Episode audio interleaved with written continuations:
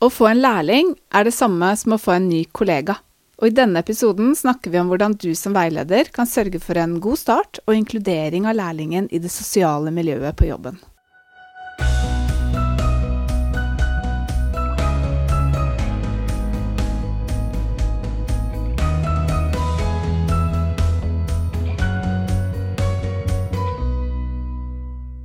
Velkommen til denne episoden av Veilederbua. Vi som sitter i studio i dag, er Tove Hansen og meg, Heidi Bakken Rygnestad. Vi jobber begge ved Opplæringskontoret for helse- og oppvekstfag, og vi lager denne podkasten for deg som er veileder for en BUA-lærling her i Oslo.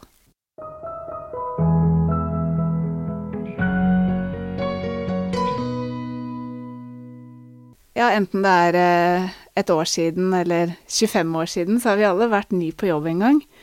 Og, og, hvordan vi skal ta imot en lærling, det skal vi snakke om litt senere. Men før vi kommer dit, kan ikke du fortelle litt Tove, om din egen erfaring når du var ny i din jobb? Jo, når jeg starta på opplæringskontoret for tre år siden nå, da, eh, så ble jeg tatt imot på en utrolig god måte. Eh, det var lapper på pulten min hvor det står 'Vi er så glad for at du er her', og en blomst sto det der. Og vi hadde jo en eh, kaffe, eh, morgenkaffe, eh, når jeg kom. Og jeg trodde jo at det var sånn vi skulle ha det hver dag, men det var til ære for meg, egentlig. Og det var så fin måte å bli tatt imot på, fordi du følte deg så velkommen og inkludert i det sosiale miljøet på arbeidsplassen. Istedenfor at du følte at du kom inn og var ny, og ingen tok deg imot, da. Så de første minuttene og den første tiden er kjempeviktig, og den var veldig positiv for, uh, for deg. Mm. Det er jo et tips, det kan man jo også eh, ta med seg inn når man skal ta imot en ny lærling, og, og vise at man har venta på lærlingen. Og jeg tenker også det kan være lurt å minne veilederne på at de aller fleste nyansatte lærlinger har jo aldri vært i arbeidslivet før, så dette er det første møtet. Så det mm. handler jo om å skape et, uh, en god relasjon fra første minutt. Altså, jeg hadde jo jobba siden jeg var 18 år, så det var jo Jeg var jo ikke ny i arbeidslivet, men jeg tenker at når du er ny i arbeidslivet og kommer ung og usikker på en arbeidsplass, så er det desto viktigere å bli tatt imot på en veldig god måte, sånn at du føler deg velkommen og inkludert fra første minutt. Og noen av våre lærebedrifter vet vi at har en rutine på å invitere lærlingen over på besøk på, um, eh, på forsommeren, før man tar sommerferie. Mm. Kommer innom enten på en, et organisert eh, møte eller en lunsj, eller, eller, bare innom et par timer for å hilse på og si hei og bli litt kjent. Mm. Og det er jo også en god måte å, å bli litt kjent med lærlingen på, og, og vise at vi vi ønsker deg velkommen hit. Ja. En ting som jeg har lyst til å nevne, som jeg glemte å si i forhold til når jeg startet på opplæringskontoret, var jo at jeg, jeg hadde jo fått én person som skulle følge meg de neste 14 dagene ja. som tok meg med rundt og presenterte meg. Det er også en kjempeidé å bruke når man tar imot en lærling. Det å velge én person som tar imot og som følger litt rundt og skal ha litt ekstra ansvar for den nye ansatte. Altså Lærlingene kommer jo som regel i august med oppstart og hektisk tid. Så hvis faglig leder eller veileder selv er veldig opptatt eh, i denne perioden, så tenker jeg det kan være lurt å finne en annen ansatt på arbeidsplassen som kan gjøre nettopp dette.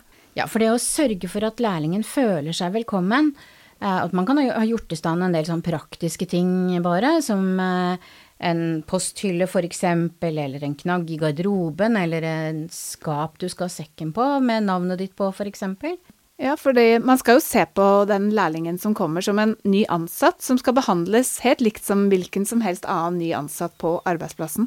En annen ting som jeg tenker er ganske viktig, er å ha med seg lærlingen på de møtene som fins på arbeidsplassen, sånn at alle vet at det er en lærling. Og da blir man jo også hilst på i gangen, og man vet hvem det er som er det nye fjeset mm. eh, i kantina eller eh, på kjøkkenet eller ute i sandkassa. Og så er det jo sånn at disse er jo nye i arbeidslivet, men de har eh, en, to år med teori på skolen eh, som de nå skal da sette ut i praksis. Ja, for de har liksom lært om arbeidslivet gjennom lærebøkene, og noe tid i praksis i IFF. Mm. Men det er jo ikke sånn at de har Veldig mange har jo ikke erfaring med å ha en 100% jobb hver dag eh, over en lang periode. Nei. Så et godt tips er å ha lage en plan for oppstartstiden. Jeg regner med at de aller fleste, eh, aller fleste bedrifter har en slags form for intern rutine for nyansatte. Mm. Det kan være lurt å ta utgangspunkt i den, eh, og sjekke gjennom eh, også lærlingens ansettelse eller oppstartsperiode i den, da. Ja. Så man blir satt inn i det som er av beredskapsplaner. og handler ikke det så mye om det sosiale, men jeg tenker at det å eh, bli kjent med hva som gjelder av rutiner, handler også om å bli verdsatt og få ta den plassen man etter hvert skal ha da, som ansatt Mm. på arbeidsplassen. I tillegg til det så har vi eh, gjort noen grep på opplæringskontoret. Vi har jo på eh, intern plan for opplæring, på den første siden, så har vi laget noen oppgaver som skal hjelpe lærlingen og dere i gang til å bli bedre kjent. Så det er viktig å ta en titt på når man skal planlegge. Ja, for det å eh, ta imot en lærling, det betyr jo starten på to års læretid og et, et langt samarbeid mellom deg og lærlingen. Og en god start der er ofte et veldig godt utgangspunkt for disse to åra. Så bruk den første tiden eh, godt for eh, å etablere en god relasjon, og vi har bl.a. i intern plan for opplæring satt opp at man skal ha en forventningsavklaring, eh, hvor man kan bli bedre kjent og, og være tydelig på hva man forventer av lærlingen, og ikke minst hva lærlingen forventer av arbeidsplassen. Så hvis vi på en måte skal oppsummere denne episoden, da, Heidi, oppnevn gjerne en fadder. En, som, en person som tar litt ekstra imot. Mm. Og hvis det er muligheter for det, så inviter gjerne lærlingen på besøk før oppstart. Mm. Og involver alle ansatte i lærlingens opplæring. Eh, tips nummer fire er at eh, vi vil at dere skal ta imot eh, lærlingen som en helt ordinær nyansatt. Og helt til slutt, ha en plan for oppstartstiden. Bruk egne rutiner for dette, og se på intern plan for opplæring.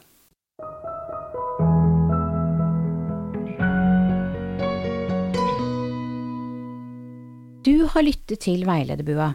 I studio i dag har du hørt Heidi Bakken Rygnestad og undertegnede Tove Hansen. Du finner støttemateriell til denne episoden i OLK. Har du spørsmål eller ideer til nye episoder, ta kontakt. Husk, vi lager denne podkasten for deg.